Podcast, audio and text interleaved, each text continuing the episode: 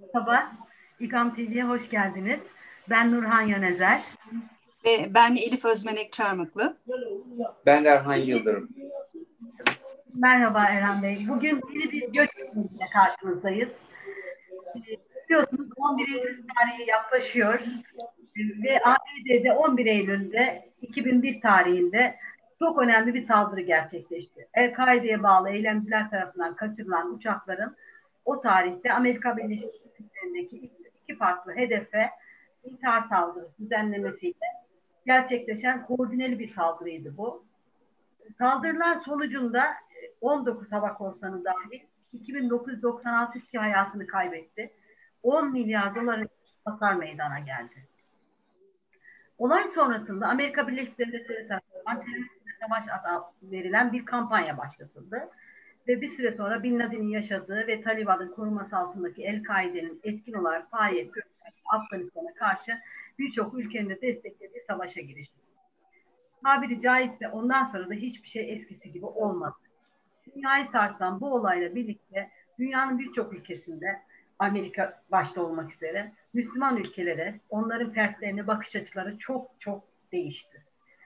Ee, belki doğal bir uzantıydı bu ve Orta Doğu ve İslam ülkeleri kaynaklı göçe ve mültecilere de yönelik bakmıştı. Ve bu ülkelerin vatandaşları daha önce hiç olmadığı kadar tehdit olarak algılanmaya başladı. İşte bu 11 Eylül e, tarihin öncesinde biz e, 11 Eylül sonrası ve göçmenlere bakışla ilgili bir yayın yapmaya karar verdik ve çok önemli, çok önemli e, bir konuğumuz var bu, bu bağlamda. Konuğumuz ABD Teşkilatı Eski Toplum Koordinatörü Erhan Bey hoş geldiniz. Hoş bulduk efendim. Nasılsınız? Siz bir kabul ettiğiniz için, yayınımızda e, olduğunuz için ne mutlu bize. Sağ olun. E, şimdi ilk soruyu yine ben açılışı e, vereceğim. Elif Hanım. Pardon, pardon Nurhan Hanım. E, sorunuzu sormadan ben ufak bir, bir e, tanıtım daha yapmak istiyorum Tabii. şu açıdan. E, şu anda bu yayında aslında 11 Eylül'ün iki canlı tanığı var. E, ben de 11 Eylül olayları sırasında e, tam 100 metre ilerisindeydim. Benim iş yerim oradaydı. Erhan Bey de e, o dönemde hem e, federasyon başkan yardımcısıydı e, hem de e, gerçekten polis teşkilatıyla çok yakından çalışıyordu. O yüzden bu notu da iletelim çünkü bir canlı yayında iki tane canlı e, olayın canlı tanıdığını bulabilmek de zor e, olsa gerek. O yüzden de çok istisnai bir durum olay, vardı. Olay çok şanssız ama biz şu anda şanslıyız. İki tane tanıkla beraber gerçekten dünyanın bakış açısı değişti. Dünyaya bakış açısı değişti bu olayla beraber. Ee, Erhan Bey önce şu soruyu sormak istiyorum. Yani bir kendi rica edeceğim. Asıl da New York Polis Teşkilatı Toplum Koordinatörlüğü'nün bir tanımını yapar mısınız? Bu neden oluşturuldu ve ne zamana denk geliyor? Ee, ilk önce bu yayını e, beni davet ettiğiniz için çok teşekkür ediyorum İGAM TV'ye ve e, gerçekten de çok eski dostum, arkadaşım, e, sevgili Elif Özmenek hanımefendiyle de burada olmak e, ayrıca gurur verici bir şey. Çünkü yıllar sonra biz çok özel yayınlar yapmıştık o zaman da. 11 Eylül ile ilgili çok güzel de yayınlarımız da olmuştu. Ee, tabii ki toplum koordinatörlüğü bir sıfat. Emniyet teşkilatı özel bir şirket gibi düşünüyorsunuz. Çünkü Amerika'daki polis teşkilatları belediyelerin altında kendilerine yönetilmiş olarak kurulan bir kurumlar. Yani mesela Milli Eğitim Müdürlüğü belediyeye bağlı, itfaiye belediyeye bağlı, emniyet teşkilatı belediyeye bağlı. Yani bir başkanlık sisteminin küçük versiyonunu düşünün. İstediğiniz kişiyi istediğiniz kuruma atayabiliyorsunuz. Tabii New York Times 11 Eylül'den sonra benim sivil toplum örgütüyle yapmış olduğum çalışmaların sonucu itibariyle bu sıfat üzerine toplum koordinatörü sıfatı yani sivil teğmen olarak rütbeli bir amir olarak emniyet teşkilatının içerisinde görev verdiler. Bu ne anlama geliyor? Sivil toplum kuruluşlarının çok iyi bilmek, onları çok iyi analiz edebilmek. 800 bin Müslüman yaşıyor New York'ta. 8,5 milyon nüfus var. 800 bin Müslümanın içindeki koordinasyonunu sağlayabilmek için emniyet teşkilatı bizim o küçük 11 Eylül'den sonra başlattığımız binlerce polise eğitim vermiştik. Bunu daha resmiyete atabilmek için bana verilen bir sıfattır. Fakat bu bir ilktir. Belki de şu anda son çünkü öyle bir kişi şu anda daha konulmadı oraya. Ee, kendi aralarında idare ediyor polis teşkilatı. Ama ben öyle bir şanslı kişiydim. Ee, böyle bir onur verici, gurur verici, hem Türkiye toplumuna, Türk toplumuna e, temsil eden, Müslümanları temsil eden bir makamda emniyet müdürünün yanında olup ve emniyet müdürüne direkt brief vererek Müslümanlarla polisler arasındaki işte e, daha çok göçmenlerle yeni göç etmiş kişilerin haklarının hukuklarıyla ilgili Türkiye'deki e, şey pardon Amerika'daki e, bu polisler arasındaki senkroniziyi oluşturduk ve birçok kanunu geçirdik. E, o yüzden şimdi göçmen kanunu dediğiniz zaman, göçle ilgili kanun dediğiniz zaman size hemen ilk bir örneği vereyim. 11 Eylül'den sonra çıkan kanunlardan bir tanesi. Executive 41 diye bir kanun çıktı. Yani kaçak göçmenler New York içinde yaşar iken her türlü poliste, itfaiyle, hastaneden yardım alma hakkına sahip olsunlar. Ve bu aldıkları sahip olduğu zaman polisle karşılaştıkları zaman kendilerinin kaçak dahi olsa herhangi bir şekilde kendilerine suç işlenmişse diyelim ki adam kaçak göçme, göç, göç etmiş, kaçak yaşıyor Amerika, New York'ta dayak yemiştir. Polisi şikayet etme hakkına sahip olduğunu bilmiyordur. Bunu önünü açıp oradaki hakkını, hukukunu gözetmek için. Mesela diyelim ki Türkiye'de bazı olaylar oluyor.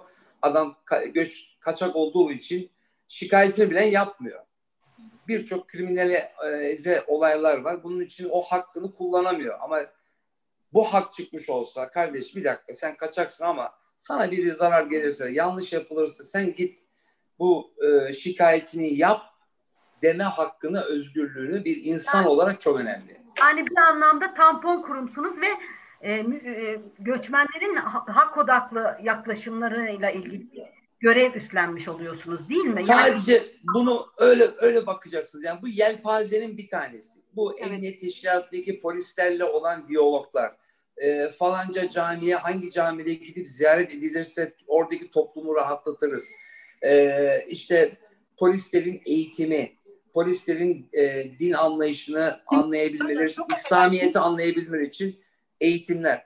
Birçok şeyler böyle ben sadece bir kurumda değil, her türlü kuruma etkisi oldu. Buyurun Elif Hanım. Şimdi şunu hatırlatmakta fayda var.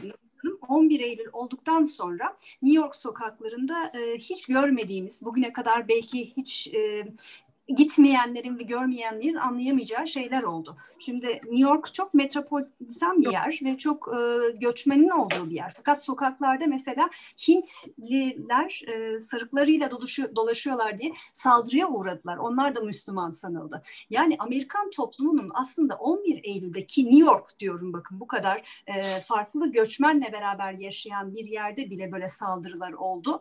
E, kim Müslümandır? Müslümanlar neye inanırlar? Var.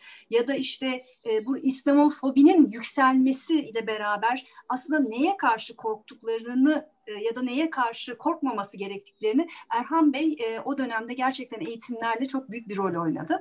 O anlamda da çok önemli yani bu e, demin saydıkların hepsi var ama asıl önemlisi e, bu İslam yani İslam nedir? E, bu Müslüman topluluklar kimlerdir ve aslında işte hepsi terörist değildir değil mi? O zaman böyle bir şeyimiz vardı. Evet, ee, evet çok önemli şeyler yapıldı. Ben aslında buradan e, şöyle bir şeye geçmek istiyorum. E, 11 Eylül tabii çok büyük bir milat oldu ve Amerika'da birçok şey değişti. Hatta biz bir belgesel yapmıştık, Sarı Yaprak belgeseli. E, 11 Eylül'de ölen aslında Sarı Yaprak belgeselinin ismi de oradan geliyordu. E, tek Türk vatandaşı Zühtü İbiş'ti. İbiş. E, Zühtü İbiş, e, Yozgat'ın Sarı Yaprak köyündendi. O yüzden belgeselin adını da Sarı Yaprak vermiştik ve orada e, Erhan Bey bana şöyle bir şey anlatmıştı. Yıllar sonra hala aklımda. E, mesela sokakta işte bir insan eskiden çıkıp işine gidene kadar 9 kameraya yakalanıyorsa şimdi 99 kameraya her tarafa mobese kameraları falan. Amerika'da çok büyük değişiklikler olmuştu. Bugün geldiğimiz noktada siz nasıl görüyorsunuz göçmenlerin Amerika'daki yaşantısını, değişimleri? Bundan sonrası için göçmenler için Amerika nasıl bir yer olacak? E, Elif Hanım hatırlarsan bir şey daha söylemiştim. Ee, Amerika özgürlükler ülkesi ama artık özgür değiliz diye. Ee, eskisi kadar özgür olamayacağız diye. Ben e, o örneği şöyle vereyim. Bir restoranın önünden geçersiniz. Devamlı yolda gider, giderken o restorandan mutlaka bir tat almak istersiniz. Bir yemek yemek istersiniz ama hep merak edersiniz. Ya bu Tibetlerin yemekleri nasıldır diye. Yani Tibetli bir restoran düşünün. Ama içeri girip yemeğini tatmadıktan sonra, yemeğini yemedikten sonra e, anlamazsınız Tibet restoranının nasıl bir tat olduğunu ya da bir Hindistan ya da bir Çin restoranı. E, bizim asıl sıkıntımız e, e, Amerikan toplumu sizin de söylediğiniz gibi Amerikan toplumunun Müslümanları gerçek Müslümanları tanımamaktan geçiyordu. İşte o iftar yemekleri, toplumun faaliyetleri, bizim Türk Federasyonu'nun e, yürüyüşleri, onlar bilen bir anlam kazandı. O ciddi manada işte Türklerin kim olduğu, e, işte adam sarışın sizin gibi görüyor mesela. Diyor aa bunlar boşnak, bunlar da Müslüman. İşte Özbekleri bakıyor, aa, bunlar Rusya'dan geliyor. Yok Özbekistan, bunlar Özbekler Müslüman. Aa Allah Allah. Yani her o algı değişti. Ee, şu anda eskisine nazaran tabii ki 19 yıl geçti. 19 yılda ortalama 1500 tane Müslüman polis var. Şu anda sadece New York polis teşkilatının içinde. Müslüman bunlar. Gençleri girmekten korkuyordun oraya. Ee, Erhan abi işte ya üniformunu versene bir giyeyim. Onu giydiğim çocuk şu anda polis, resmi polis. Yani Düzceli benim kardeşim Ertan küçükken 8 yaşında aldığım havalimanından getirdiğim çocuk şu anda polis. Yani öyle güzel şeyler oldu ki artık eskiye nazaran Şimdi mesela bir Arnavut abimiz var Tahir Kukiki diye. Erhan diyor iyi ki diyor benim ismimi her toplantıda yazdın şimdi diyor emniyetin imamı oldum ben diyor. Ya da belediye başkanının yanında mutlaka bir Müslüman danışman, yardımcısı. Yani bu göçmenlerin eğer ki birlik ve beraberlik içerisinde, hak hukuk dairesi içerisinde e, çalıştıkları zaman e, neleri başarabilecekleri diye. Şu anda düşünsenize kaptanımız var İdris Güven, e, işte falanca kişi var, Ali Hamutoğlu'muz var. E, Birçok genç arkadaşı sayarım. Hepsi de Türkiye'den gelmişler ama şu anda hepsi de e, Mısırlısından, Yemenlisinden, Bangladeş'ten, Pakistan'dan hepsi de bir heyecan içinde o ülke topraklarında, kanunlarında bir göçmen olarak vatandaş olduktan sonra haklarını, hukuklarının içerisinde e, polis olabiliyorlar belediyede görev alabiliyorlar. İtfaiyede çalışıyorlar. Yani benim e, Akaydın diye bir arkadaşım var. Genç bir çocuk. Camiye götürürdüm küçükken. Şimdi itfaiyede çalışıyor. Ee, yani bu göçmenlerin e, 11 Eylül'den sonraki bizim bu yapmış olduğumuz bütün samimi çalışmalarımız, birlik ve beraberliğimiz, kardeşliğimiz, yani e, Türkiye'de yaşıyorum artık ama hep bunu örnek vermeye çalışıyorum. Ortak hedefimiz hep bir olması lazım. Belki ideolojik başka düşüncelere sahip olabiliriz. Ben Elif'le aynı düşünceye sahip olmak mecbur değilim. Nurhan Hanım'la aynı düşünceye sahip olmak mecbur değilim. Ama bizim bir ortak hedefimiz var. Biz Türkiye, Amerika'da onu yakalamıştık. Yani o birlik ve beraberliği yakalamıştık. O yakaladığımız senkroniziyle çok güzel şeyler yaptık. Yani ee, aslında aslında 19 e, yıl sonra neredeyse 20 yıl olmuş şimdi sayınca insan bir garip oluyor ama o zaman söylediklerimiz aslında pek de doğru değil. Özgürlükler ülkesi dememiştik ama e, Amerika bu sınavdan aslında biraz da e, zannedersem iyi çıkabildi. Yani iyi, başarılı bir sınav verdi gibi. Yanılıyor muyum? Yok aslında burada çok güzel bir şey de değindiniz. Belki şunu da hani bugünkü zamanla bir eş şey yapmamız lazım e, entegre etmemiz lazım. Şöyle bir entegre olacak. Eskiden bir e, terör korkusu vardı.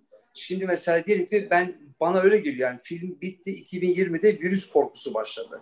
Yani e, biz 20 yıllık diyelim 19 yıllık işte aslında 1984'te 85'te miydi 94'te miydi Kör İmam'ın e, e, ikizlere vermiş olduğu zarar yani o tarihten bu 2020'ye kadar bir korku terörü vardı. Biliyorsun e, e, televizyonlar açtığımız zaman sarı ışık yanardın, kırmızı ışık yanardın. Bugün dışarıdaki terör e, korkumuz nasıl olsun, ne kadar dikkat edelim, ne kadar dikkat etmeyelim.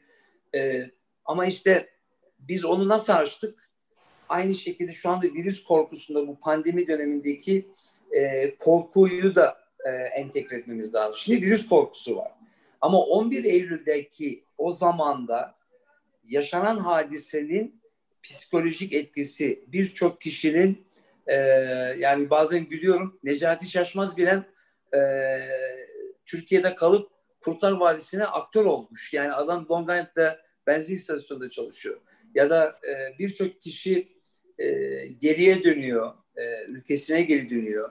Birçok kişi e, suçsuz yere tutuklanıp hapse atılıyor. O Guantanamo Bay'deki yaşanan hadiseleri biliyorsun. Birçok kişi e, Afganistan'daki e, birçok Taliban üyesi ya 100 dolarım olsaydı ben şu anda Guantanamo Bay'de olmayacağım e, diyen kişi. Yani gerçekten e, 11 Eylül'ün birçok şeye etkisi var. Dünya hakimiyeti üzerindeki ben, etkisi var. Ben şeyi hiç unutamam. Ee, Sayın Egemen Bağış'la bir röportaj yapmıştık. O zaman Egemen Bağış e, Türk-Amerikan e, Dernekleri ne, Federasyon Başkanı. Federasyon Başkanı. E, ve bir şey anlatmıştı. Bir şikayet oluyor. E, deniliyor ki aşağıdaki Türk komşular kaynak yapıyorlar e, şey. Halbuki işte polisten önce e, Egemen ve belki Erhan bile onların arasında olabilir İçeri bir giriyorlar. Çocuklar e, film izliyorlar. Işıkları kapatmışlar. O e, tele, televizyon ışıklarını kaynak zannedip e, komşular şikayette e, bulundular. İşte kaynak yapıyorlar, bomba yapıyorlar falan diye. Böyle hadiseler çok yaşandı o dönemde. Siz bir şey soruyordunuz galiba Nurhan Hanım. Ben sözünüzü kestim. Ben e, bunu çok merak ediyorum.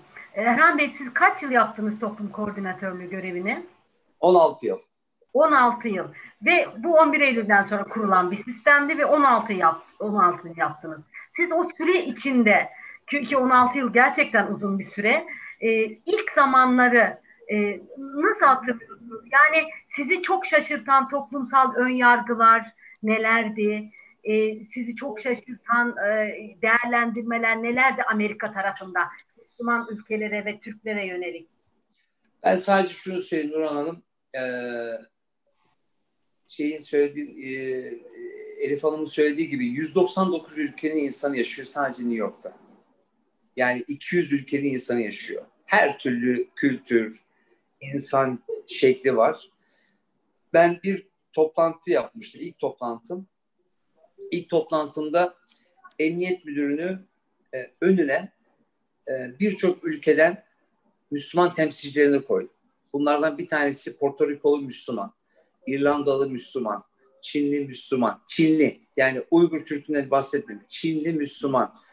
Böyle hiç onların hayal edemeyeceği Porto Rikolu Müslümanı da görüp de İrlandalı Müslüman ya ben İrlandalıyım sen de mi Müslümansın dediği emniyet müdürünü hatırlıyorum. Bir Müslüman portfolyosunu önüne koydum. Bak dedim biz sadece Müslüman toplumunu böyle bakacağız. Bu şekilde göreceğiz. Ha şimdi iyi anlaşıldı. İkincisi ben yaşadım. Ofise girdim. Çalışan sekreterler bilen aa Müslüman geldi. Bunlar kadınları sevmez. İşte kadınları hor davranırlar. Şey yaparlar falan. Hemen o enerjiyi hissediyorsunuz. Ben de işte ufak bir o zaman da Christmas onların e, yılbaşı döneminde bayramlarında, dini bayramlarında olduğu için ben de hemen birer tane e, Türk bileziği, işte bir tane birer tane şal alıp paketleyip yılbaşına işte Christmas'ta onları hediye ettim. Onlar o kadar hoşna, hoşlu, hoşlu doldular ki ya ne kadar teşekkür ederim. Siz Müslümanlar böyle misiniz? Paylaşımcı mısınız? Yani bilmedikleri için. O yüzden e, bazen ben bunu çok rica ediyorum. E, inanmayabilirsiniz. Dini inancınız ya da ideoloji yapınız ne olursa olsun. Ama samimi bir kişilik, biraz da bugünlerde biliyorsunuz sahte adamlar çıkıp dinimizi e, hijack yapıyorlar. Ne diyorduk Elif Hanım hijack, e, kidnapping. Kaçırıyorlar, uçak kaçırıyorlar. Kaçırıyorlar yani uçak, yani bizim dinimizi kaçırıyorlar. Biz aynı felsefeyi kullandık e, 11 Eylül'de de. Bu teröristler Müslüman değil, bunlar bizim dinimizi kaçırıyorlar. Bizden e, inandığımız davamızı temsil etmiyorlar. İşte oradaki samimiyet Amerikalıların çok dikkat çeker. Amerikalıları biliyorsun Elif. Yalan söylemeyeceksin asla. yalan söylediğin zaman seninle olan bütün hukukunu bitirir. Ne yaparsan yap. Hiçbir zaman yalan söylemeyeceksin. Samimi olacaksın. Dürüst Çünkü olacaksın. sistem beyan üzerine dayandığı için e, şimdi mesela buradan başka bir konuya geçmek istiyorum. Şöyle Nurhan Hanım tabii haklı olarak karşı tarafı soruyor. Fakat e, öyle bir dönemdi ki bu belgesel zamanında da e, toplumun çok değişik yelpazesindeki insanlarla konuşma fırsatı bulmuştum. E, orada e, kendisi e, yıllardır üniversitede hocalık yapan insanlar, dini e, inançları demin e, Erhan Bey'in de söylediği gibi çok fazla olmayan, hatta dinini e, uygulamayan insanlar bile biz Müslümanız demeye başlamışlardı ki bu bu büyük fark yarattı Amerika'da 11 Eylül'den sonra. Aynı şekilde ben de ne zaman sorsalar evet Müslümanız işte e, diye. Yani öyle bir kenetlenme olmuştu. Ve fakat enteresan kısım şuydu. Yine Erhan anlatmıştı zannedersen belgeselde. Demişti ki aslında en büyük zarar Türklere Türklerden geldi demişti e, ve Türkler birbirlerini gammazladılar demişti. E, o olayı hiç unutamam Erhan. Belki orayı birazcık anlatabilirsin ve belki de en büyük çaba aslında Amerikalılara tabii verildi bu çaba ama Türkler arasında da bir birlik sağlanabildi mi oradan bu yana? 19 yıl geçmiş, 16 yıl içerisinde sen bunu başarabildin mi? Onu merak ediyorum. Vallahi ben şunu söyleyeyim. Bütün Müslüman toplumunda o senkronizeyi yarattık ve birçok kurumlar ve kuruluşlar. Yani ben şunu çok açık ve net söyleyeceğim arkadaşların hiçbirisi alınmasınlar ve gücenmesinler. Pakistanlılar bilen hep bizleri gıpta ettiler. Bangladeşler, Pakistanlılar. Çünkü bizim camilerimiz daha temiz, daha düzgün, daha organizeydi. Ama maalesef işte o son yıllardaki birçok e, etkenler e, kişilerin ve kuruluşlarının biraz da egoları diyelim. O Türkiye'deki belki siyasi ayrışma değil mi? Ayrışma da olabilir. Ben oraya çok fazla da girmek istemiyorum ama benim tek arzum şu arkadaş. Ben eğer orada görev yapıyorsam babamın hayrına yapmıyorum ki o gün orada yapacağım. Belli bir zamana kadar yapacağım. Oradan sonra ayrılacağım. Arkadaşlar buraya gelin. Şuradan bir ucundan tutun. Şu toplantıya gidin. Şu adamı tanıyın. Deme sebebim hep buydu. Yani mesela bugün kredi vereceğim. Allah rızası için yani. O Ali Rıza Doğan, Ali Baba restoranı bilirsin Elif 46'da. Evet, rahmetli oldu. Allah Bugün is, yok yok Orhan, ha, Orhan pardon, abi. Orhan, Orhan Bey pardon Orhan abi. O da ayrı. Onu da ayrı. Şimdi bugün dün helva yiyordum. O aklıma geldi. İrmik helvasını biliyorsun çok güzel yapıyordun Orhan abi. Onu aklıma geldi. Allah rahmet eylesin. Yani bu kişiler mesela şu anda Ali Baba belediyedeki bütün yemeklere sponsor oluyor. Niye? Türk toplumunu temsil ediyor. Bir şekilde yardım ediyor. Bayrağı asmaya yardım ediyor. Belediye, Brooklyn Belediye Başkanı'nın etkisi var. Yani şimdi her bu iş adamının yapmış olduğu bugüne kadar hizmet şu andaki etkisini yarat gösteriyor. Ama Türk toplumu istediğimiz kıvamda değil. Neden? Çünkü ne zaman harcayacaksın. Ben zaman, ne demek kıvamda değil? Şöyle, bu iş Amerika çok zor bir ülkedir. Yani e, yanlış anlamayın. Türkiye'de yaşıyoruz ama ben Türk toplumunun e, yani Türkiye'de yaşayan kişilerin çalışma saatlerinin bile ne kadar tembellikte olduğunu görüyorum. Yani çok böyle ciddi çalışmıyorlar. Yani adamlar 16 saat çalışıyor, 14 saat çalışıyor, 13 saat çalışıyor. Yani gece gündüz e, iş yerinde, ofisinde çalışıyor. Yani vakti yok. Bu işler bizim yaptığımız işlerin çoğu amme hizmetiydi. Yani bizim ilk başta başladığımız zaman kendi işlerimiz vardı.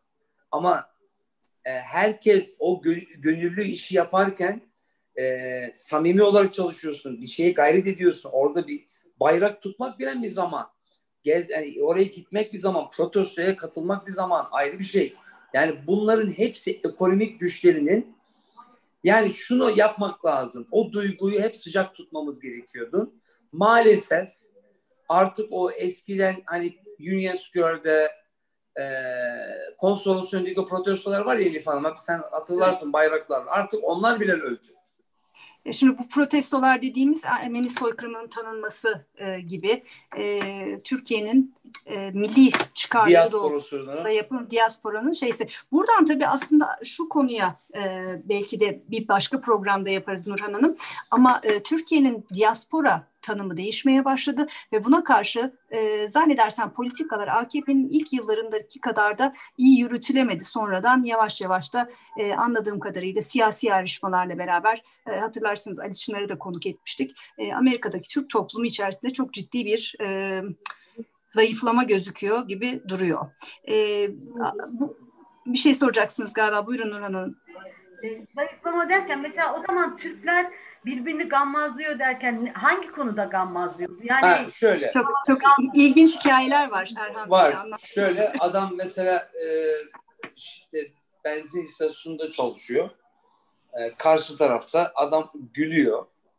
Yani bu yabancılar da olmuş zaten. Aa bak orada gülüyorlar. Türkler değil mi bunlar deyip yani yabancılar da şikayet etmiş onları çoğu. Ya da diyelim ki adamın kaçak olduğunu biliyor, diğerinin kaçak olduğunu biliyor. Düşün ki işte e, aynı şekilde ya sen FETÖ'cüsün diye gibi işte bunlar terörist, bak işte şunlar kaçak, bunlar şu. Çünkü o zaman e, e, şöyle bir e, zaten e, 2008'de olacak e, 100 tane teröristin analiz raporu yapıldı. Ve birçok bu öğren 100 e, tane teröristin hepsi de öğrenciydi. Yani öğrencilerden seçilmiş olan kişiler terör faaliyetlerini gösterdi. Dünya üzerinde işte Lübnan, e, Ürdün, İngiltere, İspanya terör bombalaması hadiseler yaşandı biliyorsun.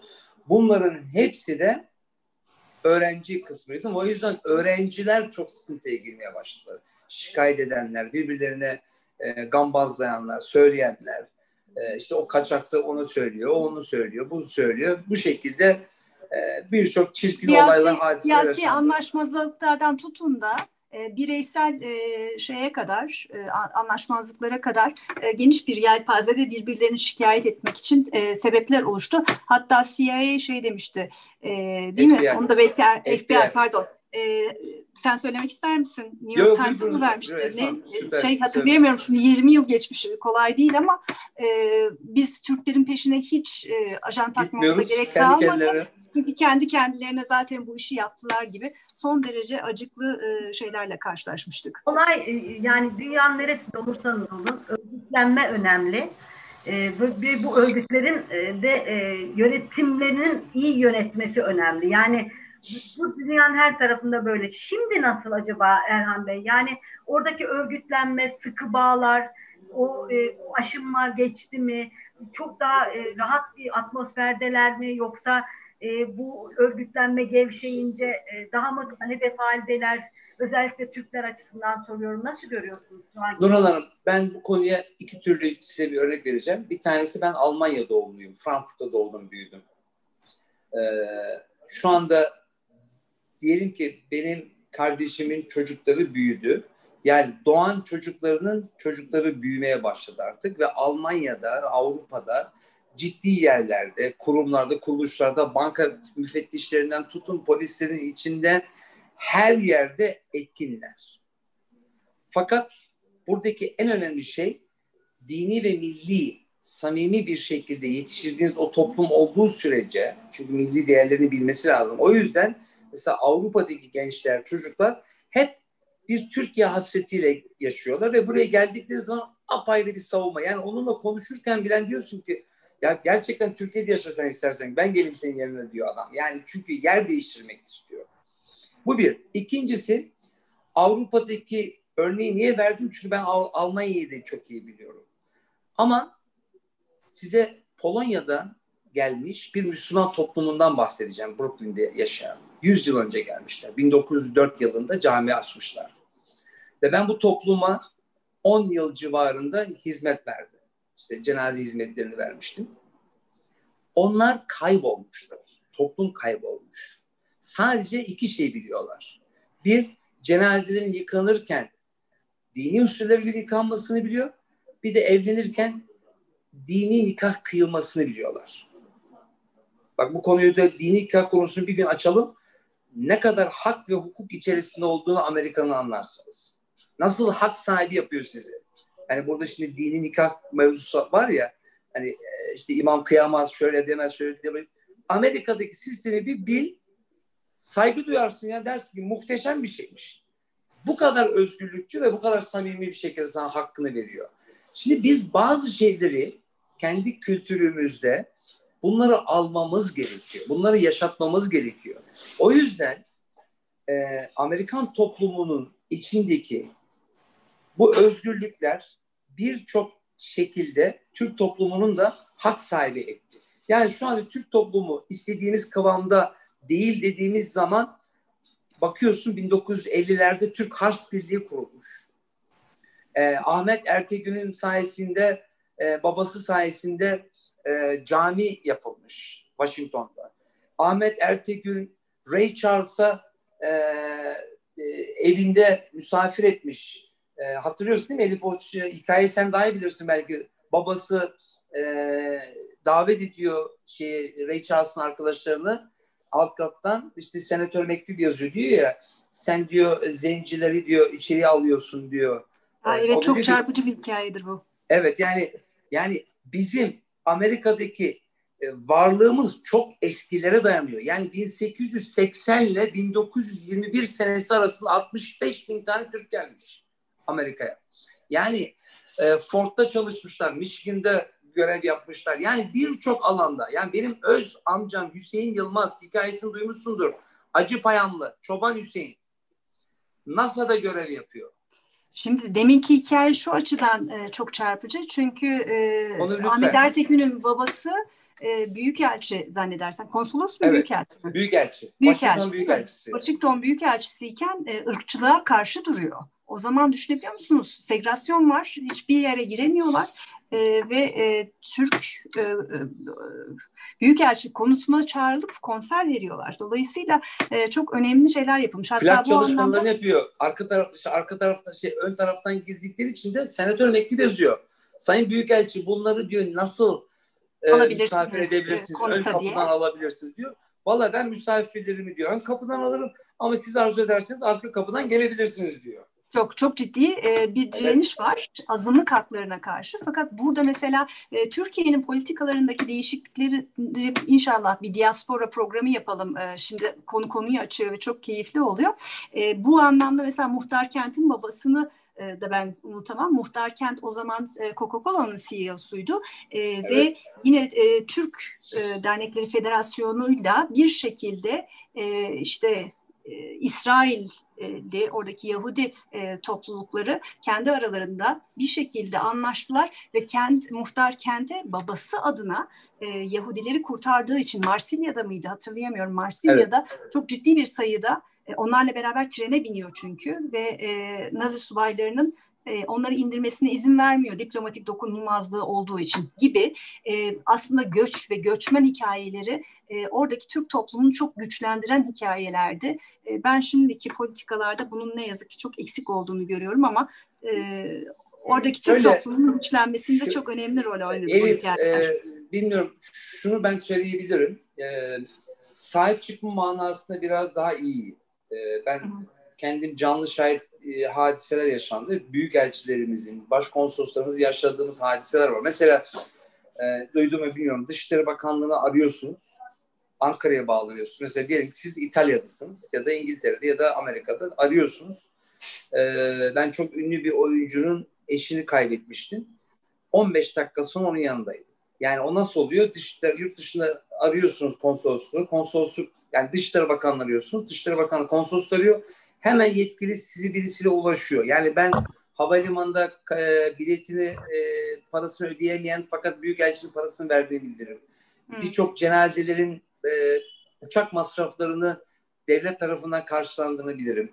Ya da parası yoksa bir şekilde onu halledildiğini bilirim. Yani o yüzden o Türk toplumunun yani dışlarının, dış işlerinin bilhassa o hakkını vermemiz lazım. Çünkü evet, bir insan çok önemli bir rol oynuyor. Bu çok arada. önemli bir rol. Mesela adam İtalya'da dişlerin numarasını düşüyor Turkcell'e, TLT ya da Vodafone artık neyse reklam yapmayalım. Telefonla düşüyor, arıyor. Ya arkadaşım ya kusura bakmayın diyor. Ben pizza siparişi vereceğim diyor. Anlaşamadık diyor. Adam oradaki konsolos görevlisine pizza siparişi verdiriyor.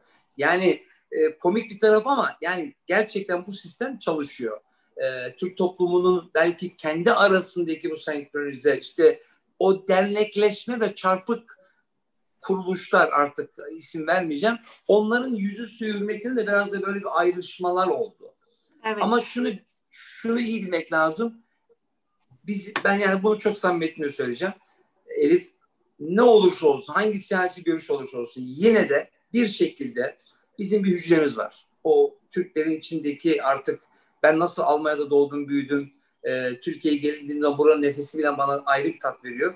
Bizim bir hücremiz var. O hücrede yine biz birlik olacağımızı inanıyorum. Yine birlik ve beraberlik içerisinde olacağımızı inanıyorum. Yani o kadar karamsar değilim. Hangi siyasi görüş olursa olsun, ne olursa olsun e, ama birlik ve beraberliğin kesinlikle olacağına inanan bir kişi. Erhan Bey, evet. bir şey, sona doğru yaklaşıyoruz. Hemen bir şey e, Elif Hanım'a devredeceğim. Şimdi e, 11 Eylül konuştuk. 11 Eylül öncesi ABD göçmenlere bakış. 11 Eylül hemen sonrası ABD göçmenlere bakış. Ve e, aradan 19 yıl geçti. Şu anda göçmenlere bakış. Biliyorsunuz biz çok önemli bir Suriye krizi devam ediyor ve çok önemli bir mülteci kriziyle, sorunuyla karşı karşıyayız ve e, daha çok ABD değil ama AB ile ilişkiler e, çok zayıfladı. Bu yüzden sorunlar yaşıyoruz. E, ABD'nin çok makro olacak ama bu üç dönemdeki göçmenlere bakış açısındaki değişim sizce nasıl gelişti? 11 Eylül öncesi, hemen sonrası ve şimdi. 11 Eylül öncesi gerçekten yani sistem oluşturmuşlardı. Elif Hanım da bilir. E, lottery dediğimiz bir şey vardı ve e, devamlı kaliteli insanları almaya çalışan, e, diyelim ki eğer Çinli bir doktorlar grubu 50-60 kişi üniversiteyi bitirmiş Amerika'da Çin'e gidecek, göç edecekleri zaman ya da Endonezya, Hindistanlı doktorlar mezun olup gidecekleri zaman hemen bir dakika dur arkadaşlar siz zaten burada okudunuz biz size green kartlarınızı veriyoruz deyip tuttukları kişiler de var. Ee, 11 Eylül'den sonrası bunlar biraz da sistematik olup daha artık işte bütün kurumların bir arada eskiden bu yoktu. Mesela bir FBI ile CIA'nin, Homeland Security, ICE, işte bir Department of Justice, bütün e, e, istihbarat kuruluşlarının birlikte çalışma sistemi yoktu. E, bunlar düzene girip daha elimine edilerek, kanunlar getirilerek işte kaçtın, kaçak çıktın, işte diyelim ki burada kaçak kaldın, kaç yıl Amerika'ya girmeme hakkına e, verdiler vesaire. Şimdi tabii ki bu bir siyasi şey. Amerika'nın Trump döneminde yapmak istediği de oydu. Tamam bende kaçak var ama ben niye ikili bir yurt dışında işte Libya'da, Irak'ta, Suriye'de savaşa girip de oradaki göçmenleri ben buraya getiriyorum. Arkadaşlar zaten bende sıkıntı var diyerek bu savaşları da protesto eden bir cumhuriyetçi kanadı var şimdi. Çünkü bu da bir şeydir. Evet e, maalesef biz biraz da tabii ki bu işin hani İslami yönü var. Komşunun aç ve zararlı olduğu zaman da yanına almak istersin. E, fakat bunun da bir sistematik içerisinde olmaz. Ben bunu NTV'ye daha önceden bir Deniz Hanım'la da konuşmuştuk. Kanun neyse onu uygulamak gerekiyor. Yani mesela e, göç menlerin, mesela Suriyeli İş Adamları Derneği var e, Türkiye'de. Duydunuz mu? Nurhan Hanım, evet. Elif Hanım. Var. Fakat bu arkadaşlar burada yatırım yapıyorlar. Para yatırım yapmışlar. Yurt dışındaki bütün paralarını getirmişler. Türkiye'de yatırım yapıyor. Amenna sattakna. Yani tabii ki yapacak. Bu çok güzel bir şey. Yani bunu ayırt etmek lazım. Yani ben Amerika'da denizden atlıyorum, geliyorum. 10 yıl çalışıyorum, 15 yıl çalışıyorum. Benzin istasyonu alıyorum, şey alıyorum, şey alıyorum. Çobani Hamdi, Hamdi Ulukaya. Yani 20 yıl önce hiçbir şey yoktu. Çiftçilik yapıyordun, çalışıyordun, peynir fabrikası kurdu, o kurdu, bu kurdu. Benim arkadaşım, can dostum. Ve ne yaptı? Şimdi markanın ismini söyleyelim onu hatırlayamadık o yüzden. Çobani, yoğurt, Çobani, Çobani yoğurtlarının Çobani sahibi. Dünya beraber kalıyorduk. Beraber evet. kalıyorduk. Ve yani ama ne yaptı Hamdi? Gayret etti, sistemi öğrendi. Devlet destekli işler aldı, peynir fabrikası kurdu. Gitti bir yatırım daha yaptı, bir yatırım daha yaptı. Düşündü dedi ki yoğurt eksik, yoğurdunu çıkarttı, çalışıyor. Şimdi Amerika'nın markası. Doktor Mehmet Öz hatırlarsın Elif o zaman 2000 yılında evet. televizyonu çıkartmamıştık. Yani Mehmet, Mehmet abiye gidip Mehmet abi senin canlı yayını çıkartsak Türkiye seni tanısın diye.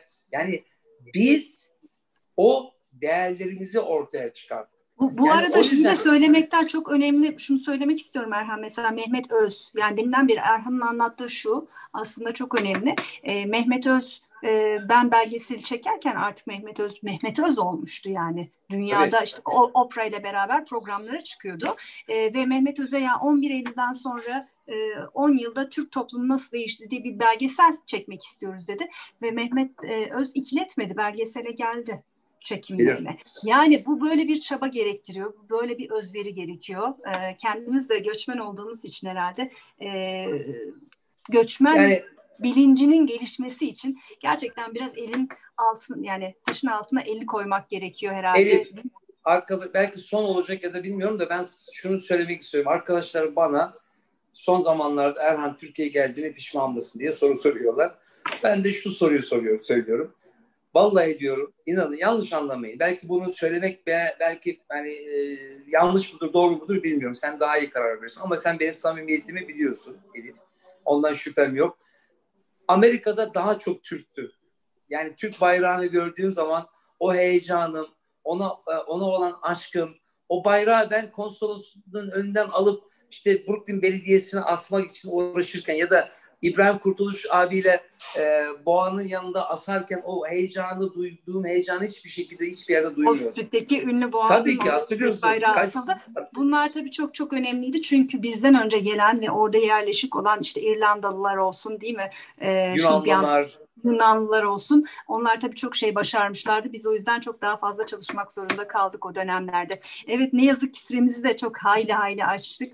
Ee, ama ben e, çok uzun zamandır görmediğim için e, biraz kendimiz kaptırmış olabiliriz. Konu da çok e, bizim için hassas bir konuydu.